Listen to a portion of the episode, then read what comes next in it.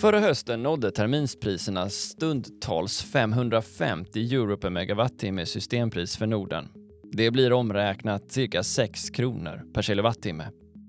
Att beskriva det som dramatiskt vore närmast en underdrift. För det satte igång alla länder i Europa och hela EU-maskineriet för att rädda kontinenten från en krigsvinter. Så här ett drygt år senare är vissa saker på marknaden kvar medan annat är helt annorlunda. En snabb förändring av marknaden är nu på gång vilket förändrar affären för alla som handlar med el, producenter som konsumenter. Det här är Energistrategipodden och jag heter Niklas Sigholm. Idag med Fortums chef för deras portfölj. Mats Persson, varmt välkommen till Energistrategipodden. Tack så mycket. Du är då Senior Vice President Portfolio Management och Markets på Fortum. Ni är en av de stora aktörerna i Sverige och jag i Norden och har kunder i hela Europa. Vill du berätta lite grann om din portfölj? Ja, det kan jag göra. Framförallt så är vi en nordisk aktör. Vi har eh, ungefär 45 terawattimmar eh, så kallad outright-produktion, alltså, eh, som är vatten och kärnkraft. Sen har vi även en del fjärrvärme i Finland och i Polen. Och eh, sen har vi många retailkunder, ungefär 2,4 miljoner. Och därmed är vi i antal kunder störst i, i Norden. Och eh, sen har vi också en starkt växande handel med eh, B2B-kunder.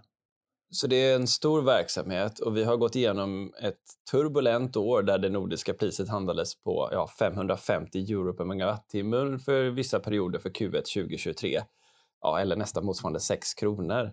Eh, nu så här ett år senare, hur ser du tillbaka på det här och vilka konsekvenser som kom och har kommit av det senaste året? Ja, eh, turbulensen i marknaden börjar ju egentligen redan under 2021 det var då man kunde börja ana att någonting var på gång i, i gasmarknaden i Europa. Och eh, sen eh, så hände det fruktansvärda att vi fick krig, krig i Europa och eh, gaspriserna steg väldigt kraftigt till följd av att eh, sen på sommaren där så stängde man av gasleveranserna helt från Ryssland till, till Europa. Och det, det som hände, vad ska vi säga, först i någon mening, eller i, i, som en första våg, det var att derivatmarknaden steg kraftigt under 2022. De långa avtalen alltså? Ja, precis. Så framförallt för det kommande året och det kommande därpå följande året. Så under 2022 så var det kontraktet för 23 och för 2024 som, som steg väldigt kraftigt och nådde sin peak, om jag minns datumet rätt, så var det den 26 augusti. Då priset var eh, flera hundra euro.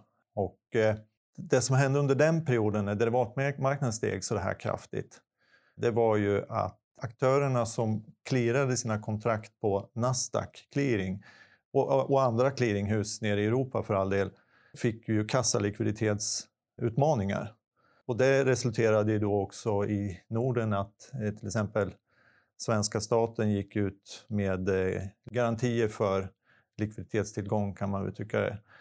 Det flög kanske lite under radarn för många, men det var ändå en presskonferens med Magdalena Andersson och så vidare. Så det, det, var ex, extremt viktigt. Ja, hur var det? För jag tror det är många som varit nyfikna som mycket väl kommer ihåg det här, om det var i slutet på augusti eller början av september förra ja. året, när Magdalena Andersson ja. står på scenen och säger att de är beredda att ställa ut hundratals miljarder i likviditetsgarantier ja. på grund av, som hon kallar det för, systemhotande konsekvenser som clearinghusens säkerhetskrav skulle medföra. Hon sa då bland annat att nu går vi in i en ren krigsvinter och att pensionsbolag och ISK-konton kan störtdyka. Du var ju lite grann väl mitt i den här stormen. Hur, hur var det? Ja, det, det, var, eh, det var en stor utmaning för, för hela, hela branschen. Eh, och, och liksom var, varför var det en utmaning? Kanske många undrar sig. Hur, de frågar sig hur kan det vara en utmaning för elproducenten när elpriset är högt? Men det, det beror ju på att eh, för att kunna prissäkra sig på Nasdaq så måste man eh, ge eh, garantier till clearinghuset, så kallade collaterals. Och, eh, och det är under, enligt det här eh, europeiska regelverket EMIR. När volatiliteten stiger kraftigt och när priset stiger kraftigt, då blir en mängden pengar som det går åt otroligt stor. Det, det, är Fortum till exempel, där jag jobbar, vi gick ut och flaggade för att som mest så ställde vi ut garantier på 5 miljarder euro det är enorma pengar. Och eh, jag kommer inte ihåg i huvudet nu summan för hela branschen, hur mycket garantier som var utställda mot Nasdaq eh, clearing. Men, men eh, det var ju av den storleken att skulle det någon av aktörerna, eh, och det kan även vara en liten aktör, börja få problem, då kan det bli en dominoeffekt. För då tvingas de stänga sina positioner och då eskalerar det priset upp ännu mer och sen så kan flera falla. Och, och, och det skulle då, där man såg då från eh, Finansinspektionens sida och Riksbankens sida framförallt att eh, det här kan få spridningseffekter till, till övrig finansiell handel. Så det var därför man till och med började prata om pensioner och, och sånt i det här sammanhanget. Men eh, det här är ju ingen historiepodd förstås, men det måste ju ha varit dagar mitt i det här då du kom hem till din fru och tog dig för pannan och tänkte hur i hela friden ska det här gå? Jo, men så var det ju. Men samtidigt så, Eh, mitt i allt i det här så, det, det är ju vad ska vi säga, ett jobb och, och man måste bara vara, liksom, vara fokuserad, hålla huvudet kallt. First things first, sortera ut. Och det lyckades ju branschen göra, eh, inklusive oss själva, så att vi kom ut ur den, den fasen av säga, energikrisen väl. Men då hade ju vintern inte ens börjat. Precis, för det som kom sen var ju inte bara det här med collaterals eller säkerheten mot clearinghusen. Det var ju också att hantera sin cashflow i hur lång tid det tog från att man sålde dyr el till att fakturan faktiskt kom in från kunderna. Det var det många, i alla fall mindre elhandlare som hade problem med. Ja, e, dels det. Men när vi pratar nästa fas i den här äh, krissituationen, när vi kommer in i vintern, då börjar vi se väldigt höga spotpriser. Och det kan, man kan väl säga i någon mening var det det derivatmarknaden förutsåg redan under sommaren.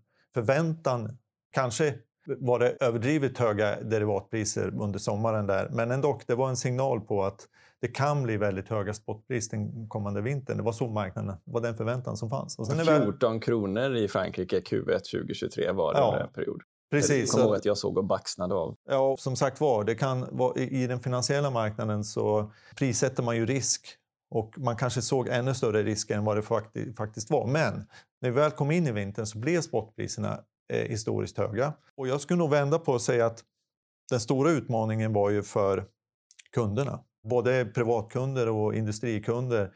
Eh, helt plötsligt, de som låg på rörliga avtal betalade elfakturor som, som, var liksom, som de aldrig hade sett förut som ett resultat av det så fick vi de här elstödfunktionerna i Sverige och även i andra länder liknande som då, för att stötta kunder för att kunna klara de här eh, väldigt höga eh, elräkningarna som kom.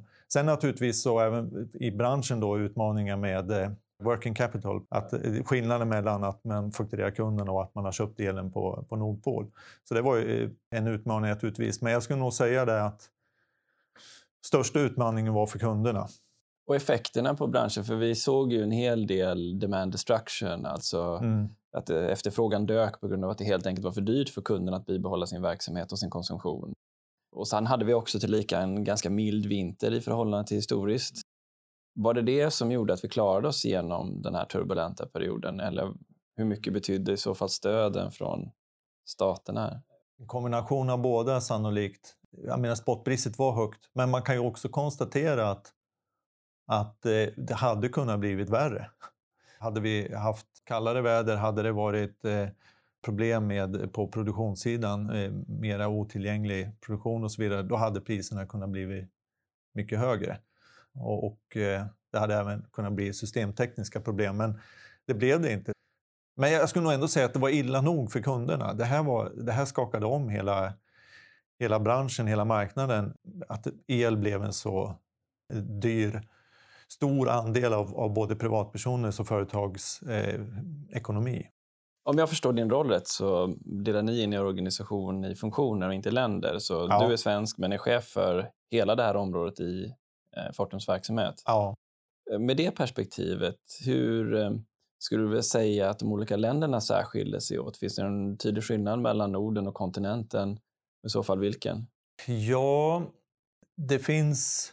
Ja, om man ska hålla det lite förenklat här så just i den här vad ska vi säga, akuta situationen så, så är inte jättestora skillnader mellan de nordiska länderna. Visst, de tekniska lösningarna för elprisstöd och, och eh, så där skiljer sig en del, men, men eh, i stort sett ganska likt. Jag skulle säga att nere i Europa där är det, ju, det finns det ju en dimension till som är tydligare än vad den är i Norden kanske. Och det är att eh, hur kompenserar man för den här enorma mängden gas som inte längre kommer? På något sätt så, så hela omställningen till eh, CO2-fri eh, eh, produktion accelereras ju upp med en faktor 10 kanske, eller någonting. Väldigt mycket i alla fall. Eh, allting som vi ändå kanske hela EU hade planerat för skulle hända under de kommande tio åren måste hända nu ännu mycket snabbare. Det, det gäller ju Norden också, men det gäller framför allt nere i Europa. Eh, hur chockartat var det, det här heter ju ändå Energistrategipodden, var hela det som utspelade sig och sen hände med Juniper? Sett inifrån er organisation, var det någonting ni såg komma redan när konsekvenserna på sommaren började bli tydliga? Eller Liksom, hur, hur, var, hur var det? Var det liksom en, nej men det här går bara inte längre? Man kan säga så här, ingen kan ju säga att man kunde förutsäga vad som skulle hända i Europa rent geopolitiskt. Eller väldigt få. Eh, så att någonting förfärligt hände. Vi fick ett krig och det fick enorma konsekvenser för, för Europa som helhet. Och sen då i, som företag, då Uniper, ja, de drabbades väldigt, väldigt hårt eh, eftersom eh, de var ett av de företag som importerade gas från, från Ryssland. Och eh, ja, det är väl så mycket jag kan säga om det. Att... Mm. Men om vi abstraherar upp det då så hamnade de med ett klassiskt case där de hade ställt ut säkerheter mot kunder men helt plötsligt så skedde ja, ett kriget gjorde att säkerheten uppåt försvann i sitt eh, supply chain. Enkelt sett så jag att man gjort kontrakt med eh, kunder, gaskontrakt och eh, helt plötsligt så försvann vad ska vi säga, supply-kontrakten från, eller på köpsidan då, och istället var man tvungen att köpa gasen i, från marknaden och, och då till ett betydligt högre pris. Så att, eh, det är klart, rent ekonomiskt då en jättestor eh, smäll. Hur, ehm, om vi kommer till er strategiska planering idag. Ni klev ju ur ett antal affärer eh, för de senaste två åren. Uh, som var ja, men allt från Ellevio till Stockholm Exergi och även i Oslo och ett antal andra. Idag när ni blickar framåt kring er strategi, ser ni annorlunda på det här med vad som är reglerad och icke-reglerad verksamhet? Eller hur, hur, skulle du säga att ni blickar framåt? I... Jag, jag skulle säga att det viktigaste, vad ska vi säga, förtydligandet eller förändringen av, av eh, Fortums strategi, det är vad heter det på svenska, att vi sätter kunden i centrum. Att, att marknaden har blivit jag gillar egentligen inte ordet vertikalintegrerad för att det är lite abstrakt och det beror på vad man syftar på och så vidare. Kontraktuellt vertikalintegrerad kanske? Ja, precis. Speciellt när det gäller då fastprisavtal. Dels det, när det gäller det, det operativa, att hur man ska vi säga, optimerar värdekedjan från produktion till kund.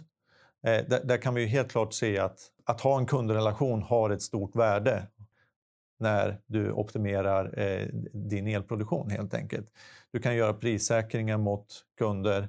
Du kan eh, också eh, optimera den fysiska handeln mot, eh, med, med, hänsyn till flexibilitet på kundsidan och så vidare. Så det är den operativa delen av det. Men sen finns det ju också en eh, strategisk perspektiv på det och det är ju att eh, det andra som händer på kundsidan, det är ju att det förväntas göras enorma investeringar i elektrifiering, eh, vätgasproduktion etc. Och enkelt sett, den elen måste ju komma någonstans ifrån. Och eh, man kan inte göra den typen av långa avtal som man behöver göra. Om, man investerar i någonting, då måste man få ner risken eh, för att få ner kostnaden på kapital och så vidare. Så det är den, det, är det ska säga, perspektivet kunderna har. Och och då behöver de kunna göra långa avtal med någon som kan sälja el även på lång sikt och kanske även investera i ny produktion på lång sikt. Och eh, det, ska säga, det är den andra viktiga anledningen till att kunden är i centrum i vår nya strategi. Ja, jag tänker ju då att den portföljen som du nämner med 45 terawattimmar ger er ett antal verktyg som andra som inte har den storleken saknar. Jag tänker på en part som H2 Green Steel som behöver säkra väldigt mycket el där ni kan vara då kommer bli en partner i att kunna klara av att eh, hantera den volymen. Är det det du beskriver här egentligen exempel på hur ni kan genom era produktionsportföljer också se till att säkra stora avtal på marknaden genom i elektrifieringen? Ja, det, det är precis det. Och, och, till att börja med så har vi ju mycket produktion redan idag, precis som du säger. 45 terawattimmar ungefär i Norden. Lite mer faktiskt, inklusive Olkiluoto 3 så är det väl 46 drygt tror jag. Och, eh, men, men det öppnar ju också upp för att om, om eh, enkelt sett om, om den produktionen vi äger idag och som andra producenter äger idag inte räcker till så, så blir de här eh, PPA-avtalen som man, man, man, kan göra till exempel med H2 Green Steel som du nämnde här eller andra som investerar i, i CO2-fri stålproduktion. Eh, de blir också ett viktigt instrument för oss som elproducent att ta bort risk i investeringar i ny elproduktion. Eh, så där, där, får vi ett win-win. De behöver de-riska sina investeringar. Vi behöver de-riska i våra investeringar om vi ska bygga mer produktion än vad vi redan har. Jag, jag kommer ihåg ett seminarium från Almedalen, kanske var 2011 då det var ett antal aktörer som hade tagit fram eh, spreaden på aktörerna i elhandelsmarknaden i Sverige och såg att det fanns väldigt många lokala aktörer. Och redan då förutspådde man att ja, men nu är det dags för en konsolidering av elhandelsbranschen på grund av skalfördelarna du kan få av att sätta ihop eh, gemensamma IT-strukturer, processer, men naturligtvis också ta balansansvaret för en, en större grupp eh, konsumenter. Det skedde ju sen aldrig egentligen, utan den har ju varit kvar väldigt differentierad. Och nu när marknaden går igenom en sån här stor förändring ändå, kalla det inte vertikal integrering, men kalla det ändå att du måste kanske gå utanför terminsmarknaden för ja. att hedga dina avtal. Eh, nu väver jag in mycket i den här frågan, så jag får be om ursäkt, men också samtidigt då att ni köper Telges elhandel. Ser vi det? Är ni ser vi att storlek börjar spela en allt större roll för elhandlarna på marknaden, tror du? Storleken har betydelse här.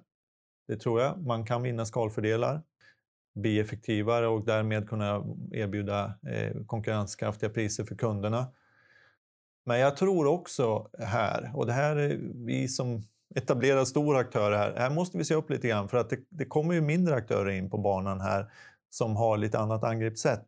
Och eh, så jag skulle nog säga att det är eh, minst lika viktigt att göra rätt sak som att faktiskt vara stor. Det här låter lite klichéartat, men, men eh, det här gäller det i väldigt hög grad. Så det har inte förändrats? För egentligen kanske det som var min fråga. Har de incitamenten eller omstruktureringen på marknaden förändrat incitamenten och, och skruvat det till fördelar mot våra stora lite. Men det du säger egentligen, nej, det är lika mycket att hitta sin nischposition idag som det var då. Ja, alltså jag hoppar tillbaka till det här med storleken faktiskt. För en annan aspekt på det, förutom att man kan vara effektiv om man kan bygga skalfördelar om man är stor.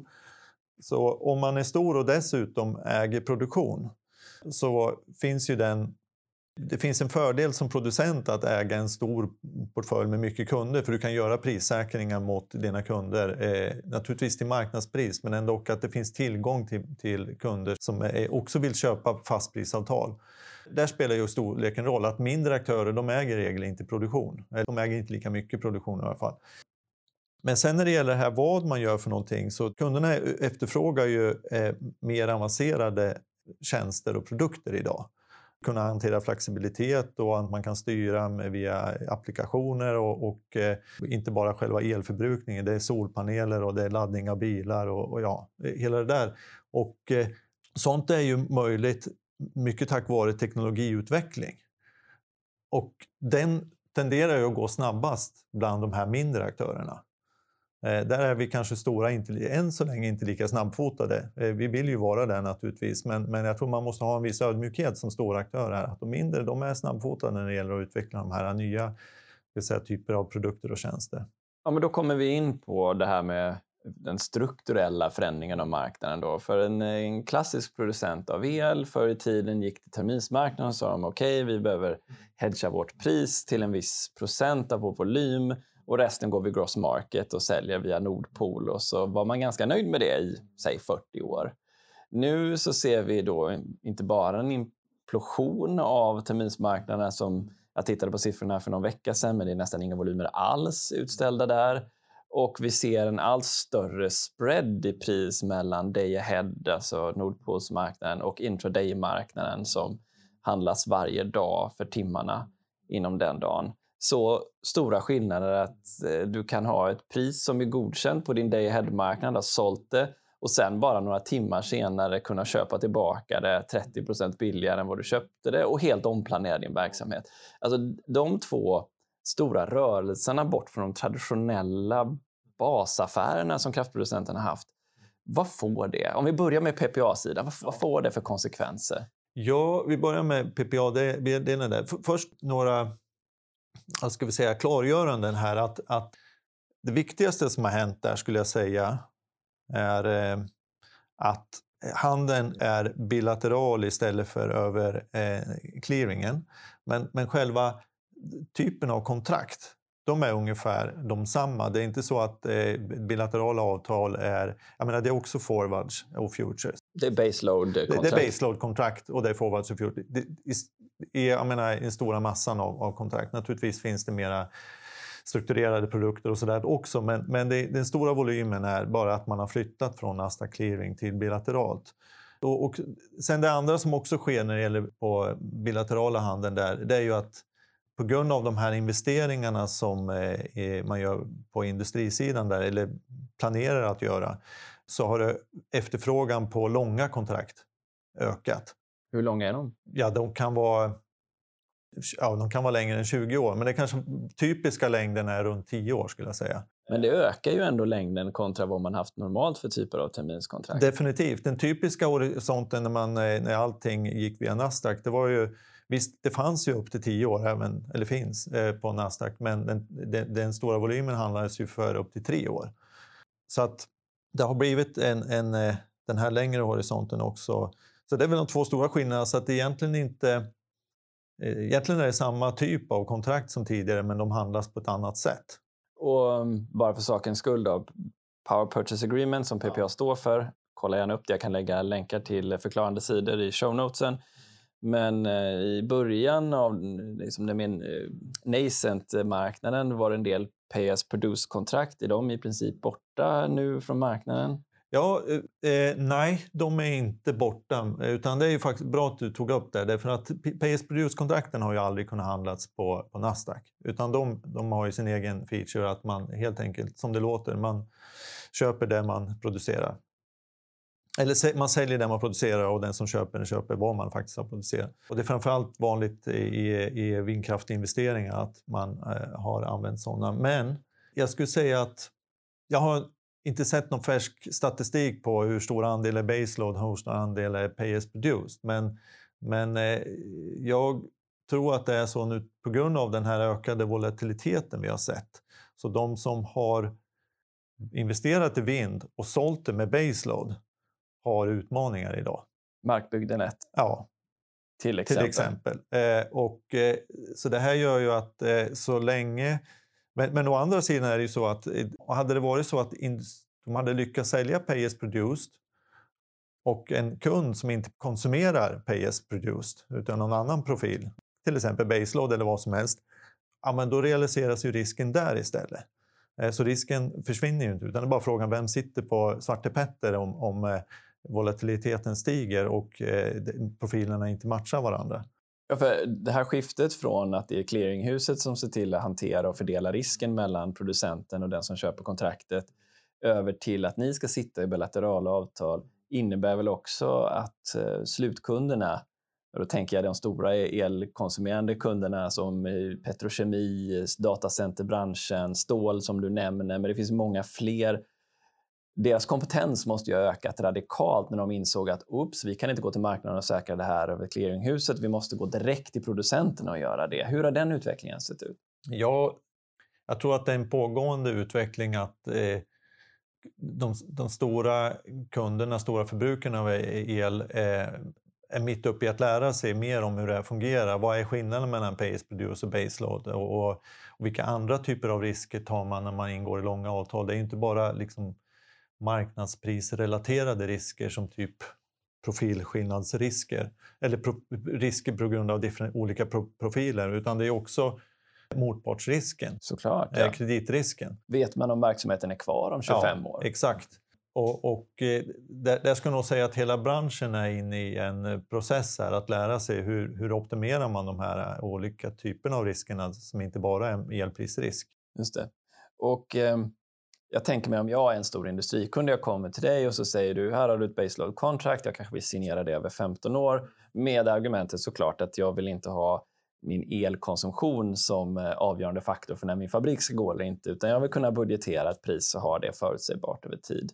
Men så har jag ju den här profilfaktorn ändå, som givet att vi ändå har vant oss vid att elpriset på dagen kan gå från 10 öre till 3 kronor utan att vi ens höjer på ögonbrynen längre. Hur hanterar man den profilrisken som man ändå har? Ja, och här tror jag att traditionellt sett, även om kunderna lär sig det här mer och mer, så, så har ju vi som är eh, elproducenter och elhandlare en, vad ska jag säga, eh, mer erfarenhet av att eh, jobba med, med den här typen av riskhantering. Så här tror jag vi har en viktig uppgift att också hjälpa kunden att hitta andra sätt att hantera de här riskerna än att bara köpa ett fastprisavtal. Och till exempel att använda sin flexibilitet. Så man kanske inte ska säkra precis allting av sin förväntade konsumtion eh, om man är en stor industri för en viss tidsperiod, utan eh, man kanske ska lämna en del öppet där man då istället optimerar mot spotpris eller andra intradaymarknaden och frekvensregleringsmarknader och eh, som sagt var, där, där, har vi en viktig roll att, att utbilda våra kunder att den möjligheten faktiskt finns. Och det finns ett win-win även här för att det, det, är ju eh, liksom de kunderna vill ju kunna göra sina investeringar. Eh, de måste hitta sätt att få, bort, få ner risken. Eh, vi som elproducent vill kunna minska risken i vår existerande produktion men också vi är beredda att investera i mera produktion och då behöver vi också minska risken och då måste vi liksom gå hand i hand där. Att eh, vi minskar riskerna på båda sidor, men vi, kan, vi kanske inte ska ta bort all risk för att det finns den här möjligheten att optimera i, i de här korta marknaderna. Vilket ju rimligtvis är en av era kärnkompetenser. Ja. Så om jag översätter det du säger så att jag förstår det, det är att ni, vi är faktiskt bättre, säger du, på att hantera den profilrisken än vad kunden många gånger är som styr sin, sina produktionsval utifrån andra parametrar än kanske just den ja. marknad vi är vana att sitta på. Och ni har ju också väldigt mycket flexibel produktion i er portfölj. Och det är en bra segway över på den andra förändringen då från day ahead till intradagmarknaderna. Vad har det lett till för typ av konsekvenser? För det här är ju en, en vi är tåg vi är på. Volatiliteten bara ökar. Jag såg en rapport att om antalet nolltimmar i Tyskland och Holland ökar kraftigt från år till år. Det kommer ju påverka svensk prissättning. På samma gång så ökar också risken att vi får effektunderskott och väldigt höga prispikar på enskilda timmar under året. Hur har det här påverkat hur ni jobbar med strategisk planering av era egna resurser? Ja, det, det här är ju ett jätteviktigt område för oss. Nu, nu en, en stor andel av vår eh, existerande produktion är flexibel vattenkraft där i praktiken innebär att, att eh, ju, ju, mer volatil marknaden är, desto större värde får den här flexibiliteten som finns i, i vattenkraften. Så att det, det, har egentligen sedan många år, men det har intensifierats under senare åren här att, att fokusera på att eh, hela tiden säkerställa att eh, flexibiliteten finns tillgänglig i, för oss i, i, marknaden, för de här olika marknadsplatserna.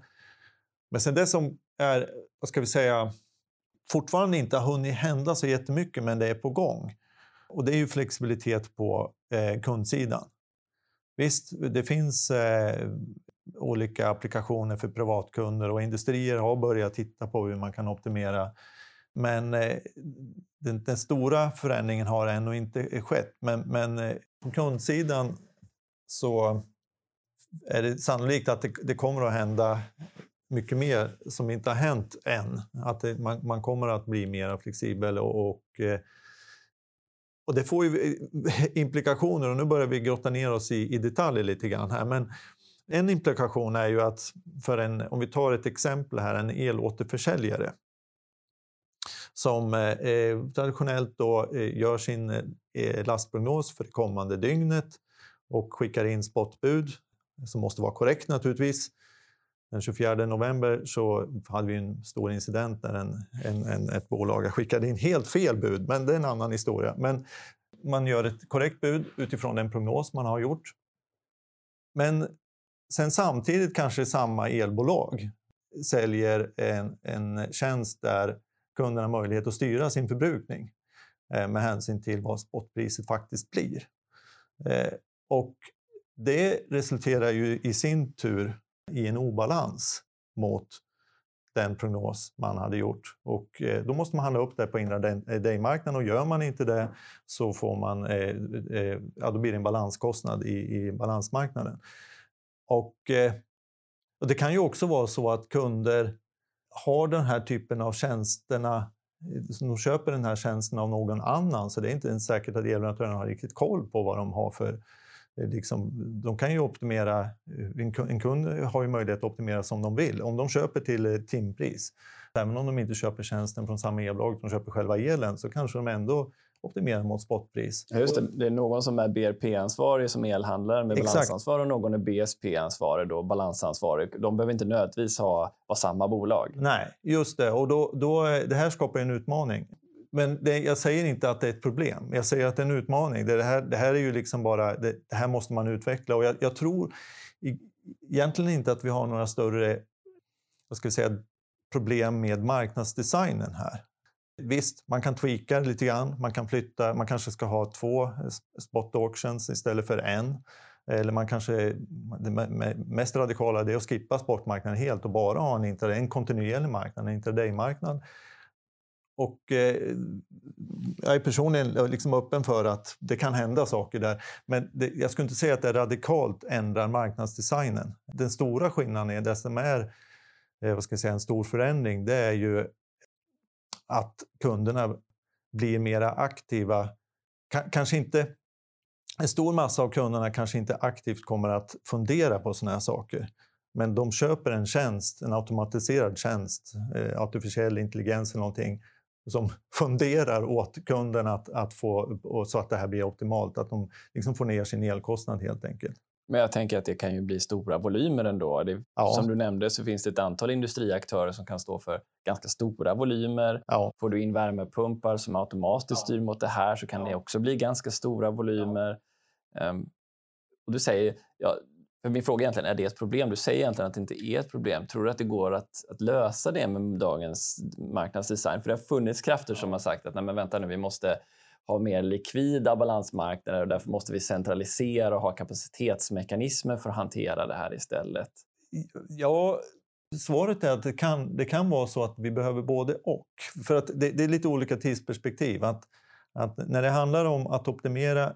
Alltså, spotmarknaden, intraday-marknaden och de här balansmarknadsplatserna, frekvensregleringsmarknader, de är ju oerhört viktiga verktyg för att i drifttimmen hitta, eh, att hålla frekvensen i systemet helt enkelt. Eh, och man kan tweaka dem lite grann så att det, man säkerställer att det fungerar ännu bättre i, i drifttimmen. Men sen en annan fråga är ju att hur säkerställer vi att vi har tillgängliga ska vi säga, resurser i systemet om tio år.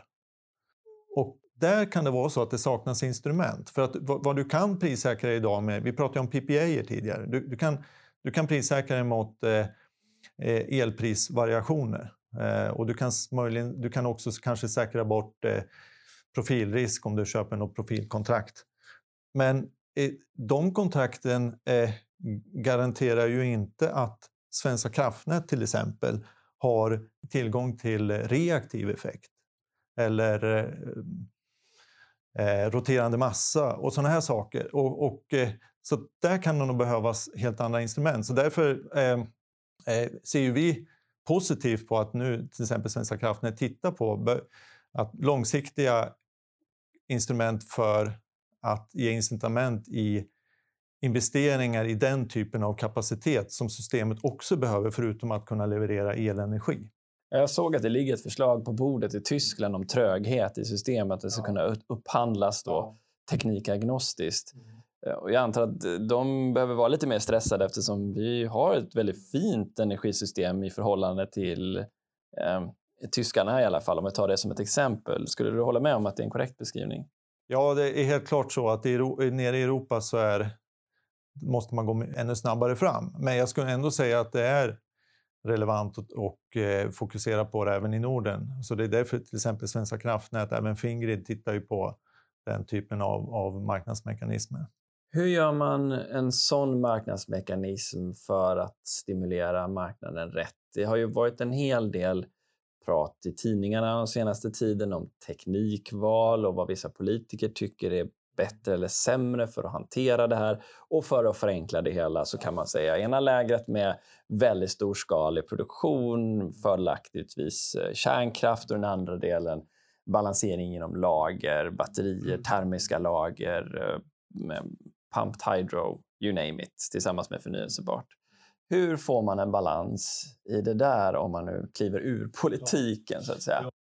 Det vi har framfört som eh, vad ska vi säga, på ganska kvalitativ nivå än så länge då en så kallad tallriksmodell. Att systemet behöver eh, en viss mängd baseload-kapacitet, en viss mängd flexibel eh, kapacitet. Eh, och sen så har vi också sagt att en, eh, en viss mängd eh, intermittent-produktion eller renewables helt enkelt, eh, eller förnybart helt enkelt, som kan vara sol och vind. Så att det, det är, men det innebär ju också att vi har en, som vi ser det så behövs flera olika teknologier. Så därför är det viktigt att när man designar de här marknadsmekanismerna att det inte styr mot en viss typ av teknik. Utan det måste finnas en öppen för, öppenhet för eh, att, att, eh, eller det måste möjliggöra investering i den typ av teknik som systemet behöver. Så köper man reaktiv effekt exempelvis så ska man göra det på en marknad där alla som kan tillhandahålla reaktiv effekt, den ska inte vara riktad mot ett teknikslag om jag förstår det rätt. Ja, om, om, den är, en, om det kan uppfylla de kriterier som systemoperatören sätter upp, så svar ja. Men jag vill gärna nämna ändå kärnkraften i det här sammanhanget, för det, har ju en, det diskuterades ju så mycket så det går liksom inte att låta bli att prata om det, för att det är, det är en jätte, jätteviktig fråga. Och där tror jag att det är viktigt där att det handlar inte bara om de, teknisk, det handlar om de tekniska egenskaperna som till exempel den kärnkraften har. Men där måste man också ta i beaktande att det är ännu viktigare att det är tillräckligt långsiktigt. Kärnkraft bygger man inte på, eh, med, lika snabbt som man kan installera, bygga annan typ av kapacitet. Så att man inte hamnar för om man inte tar hänsyn till det, då kan det ju i värsta fall styra mot att även om man har långsiktiga eller har instrument för att investera i egenskaper i systemet så fattas det ändå en pusselbit som eh, då till exempel kärnkraften skulle kunna bidra med på grund av att de här instrumenten är inte är tillräckligt långsiktiga. Eh, så att det är viktigt att få med det. Men du har ju också utblick eh, från att ha jobbat i olika länder och vi vet ju båda två hur den här ARN-budgivningen från EDF går till. Den är ju omgärdad av mycket byråkrati. De, de, hur man spesar de här, eh, här kraven du behöver för att uppfylla riskerar ju att föda en helt ny typ av byråkrati som i sig också kan bli ganska kostsam. Eh, har du referenser? Vad, vad är bra och vad är dåligt att titta på? Ja, jag tror det är viktigt att lära sig av eh, de eh, initiativ som man har tagit i olika delar av eh, Europa. I England också har man ju, först så provar man en eh, så kallad CFD-instrument och sen så gick man över till en så kallad RAB, Regulated Asset Base, asset base modell. Och jag tror det är jätteviktigt att ta lärdom av det så att man, vi får det som, som är tillämpbart i nordisk kontext då att både bra saker som man har gjort men även man ska undvika det som inte fungerar naturligtvis eller som verkar vara tungrott och inte genomförbart. Hur gör man i Ryssland? Vad man gör idag har jag faktiskt inte jag koll bara, på. Du har ju erfarenhet från att ha även jobbat och sett kapacitetsmarknaden. Något de är bra på så är det planekonomi. Ja. Det har ju visat sig empiriskt i världen att, att planekonomi fungerar inte väl med det sagt så, ja, jag, jag har jobbat och verkat i Ryssland för många år sedan. Eh, under den tiden man byggde ny kapacitet under sådana här capacity supply agreements. det, jag vill inte göra för mycket referenser till Ryssland, men, men om man fokuserar på bara just de här capacity supply agreements som man hade för ny kapacitet så kan man ju konstatera att ja, men det fungerade faktiskt.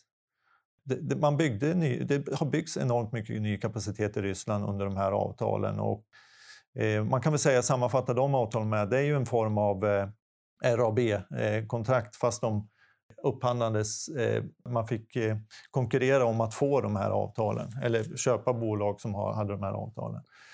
Så på så vis så fanns det ett konkurrenselement där, eller tanken. Ryssland är Ryssland, så man, man ja, ni vet hur det, hur det är där. Men, men ändå, eh, designmässigt så skulle jag nog ändå säga att man var rätt på det på något sätt.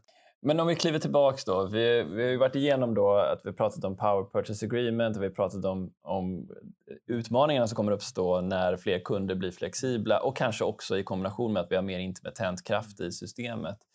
Eh, vad kommer framgångsfaktorerna vara för den som vill ha ett, eh, ett högt realiserat värde från marknaden? För det är på något sätt ändå det ni elhandlare konkurrerar med, vad ni får för achieved price. Mm. Alltså, nummer ett, man ska ha tillgång till flexibilitet från var helst den kommer. Eh, det är nummer ett. Givet att man har tillgång till flexibilitet så handlar det om att, att kunna använda den och optimera den. Så det är de två viktigaste framgångsfaktorerna om man ska hålla det kort eh, och enkelt. Den andra punkten här när det gäller hur man använder den och optimerar den, det i sig, det är liksom ett avancerat område. Det är inte det låter så lätt, men i praktiken är det ganska avancerat. Men ändå, det är de två sakerna det handlar om.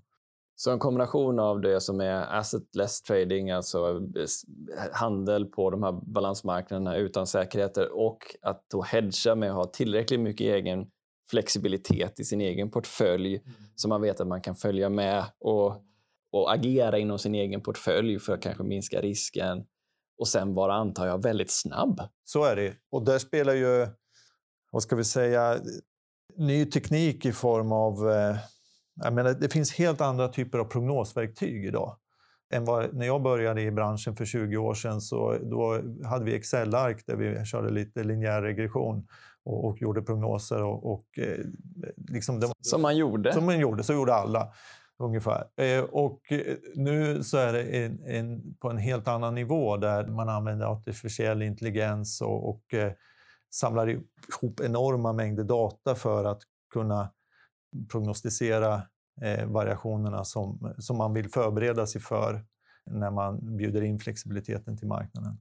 Jag tänker att det behöver, blir väl en vattendelare för branschen att ha tillgång till den typen av kompetens. För Det måste ju vara avgörande skillnader mellan att ha tillgång till den här typen av verktyg som kan göra så mycket bredare analyser än en klassisk linjär optimering. Ja, så är det. Kort och gott svar. Jaha. Men jag har tittat på hundratals varaktighetsdiagram genom min karriär såklart för massvis med olika typer av produktionsslag. Och där är ju, den bygger ju på en meritordning som följer den klassiska logiken kilowattimme. Du har den billigaste produktionsenheten i basen och så fyller du upp ditt varaktighetsdiagram till dess att du når din spetsproduktion på något sätt. Det här det du beskriver är ju någonting annat än att nödvändigtvis bara köra den billigaste produktionen. Ja, det är det ju. Så man kan väl säga att det är... Eh, den traditionella merit order är ju eh, eh, där man sorterar ut efter rörlig produktionskostnad helt enkelt.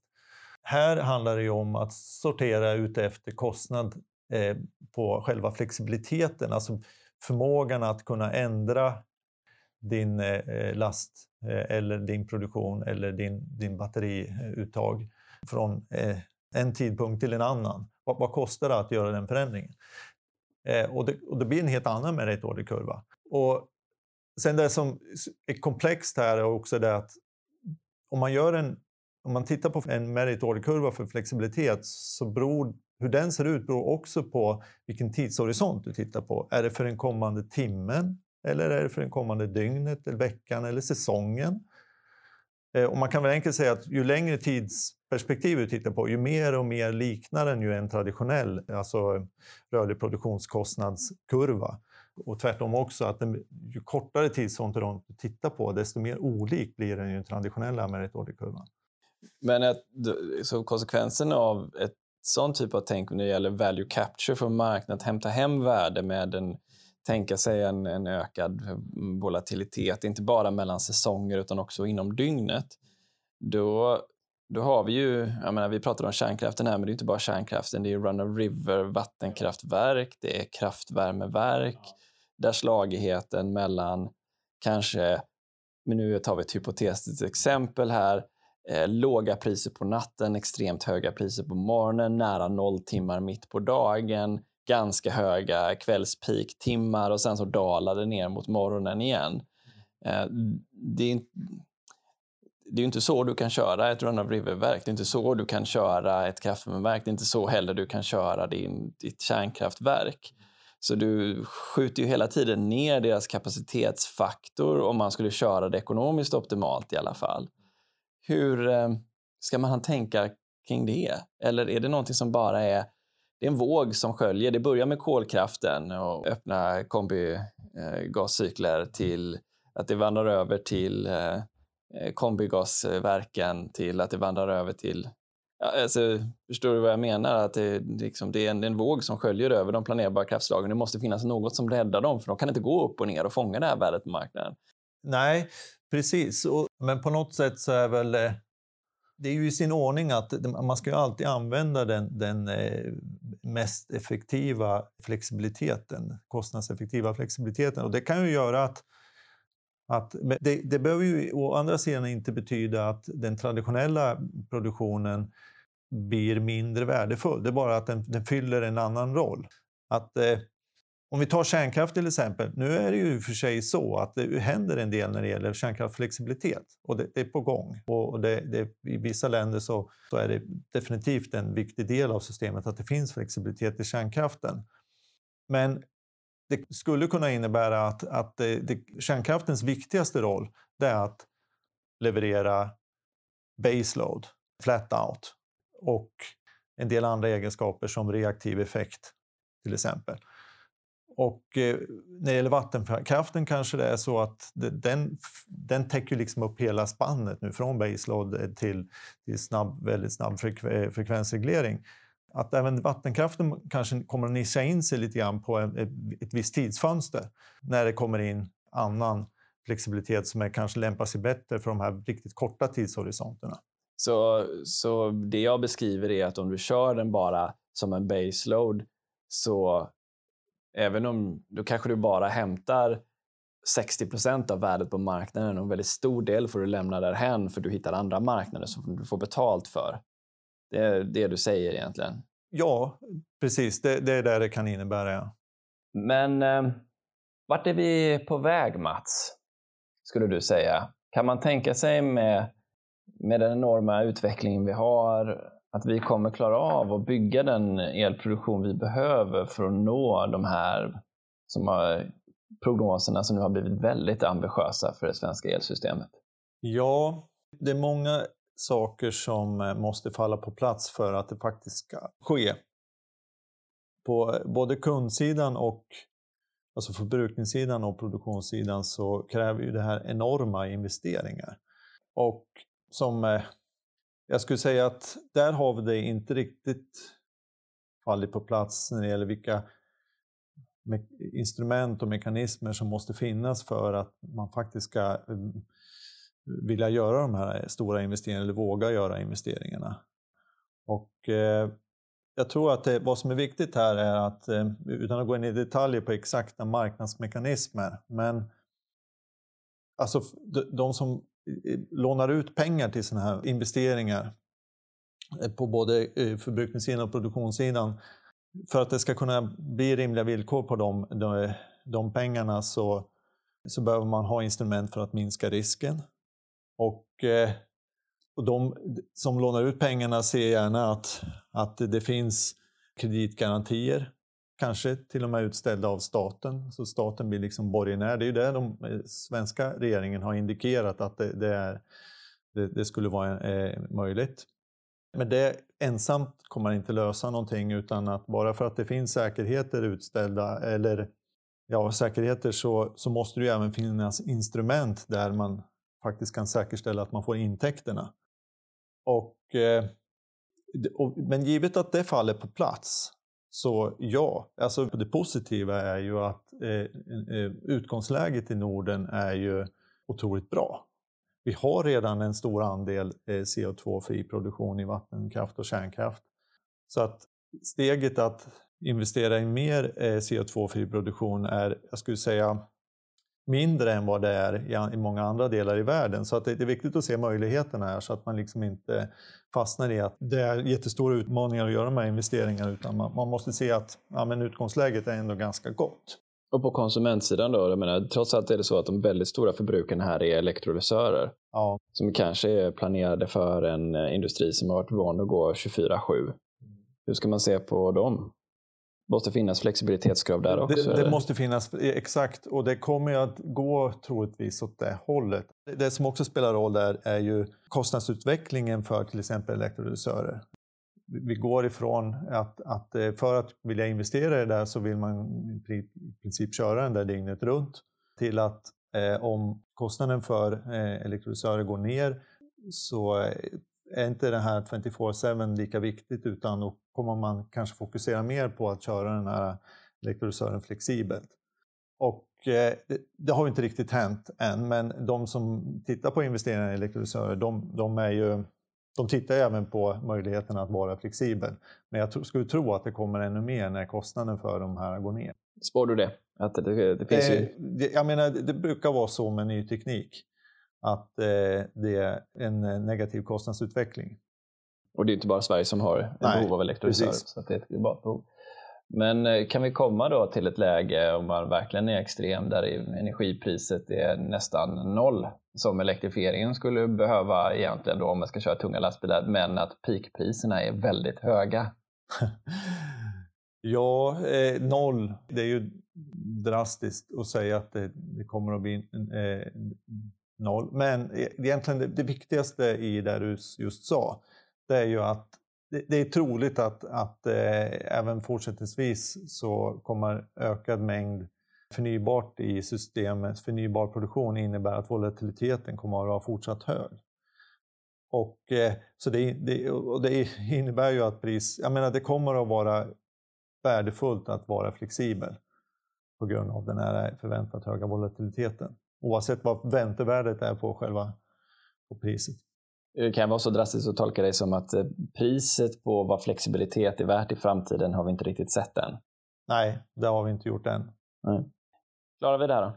Så vad är din spaning? Vi har enorma utmaningar i Europa och du sitter på en av de riktigt stora portföljerna både på produktion och på konsumentsidan. Ja. Och det är inte bara Sverige som ska öka sin, eh, sitt eh, sin e- elförbrukning radikalt. Det ska för även alla andra europeiska länder som ska kliva ur gasen göra. Om vi säger så här, jag tror inte vi har något val. Vi måste klara av det. För det här handlar ju om eh, att eh, nå klimatmålen. Och elektrifieringen är en otroligt viktig del, eh, ingrediens i att, att nå eh, klimatmålen. Det, det, det, är andra delar också. Det, naturligtvis, det, det, det, det löser inte allt, men löser en väldigt stor del. Så jag skulle säga att ja, det är ett måste att vi klarar det. Och då tolkar jag det som att om vi ska klara av det, då ligger det väldigt stora investeringar framför Fortum? I branschen som helhet, ja. Och, och, och vi är ju en del av det, så ja. Mm. Så småningom. Och det, men där, där ska jag väl också tillägga att, att eh, våra investeringsplaner är ju ska vi säga, är ju någonting som utvecklas över tiden. Vi, vi har en, en commitment på viss mängd investeringar just nu och, och det är det vi har att förhålla oss till just nu. Mats, eh, tusen tack för att du tog dig tid att vara med i Energistrategipodden. Tack själv. Stort, stor glädje att få vara med.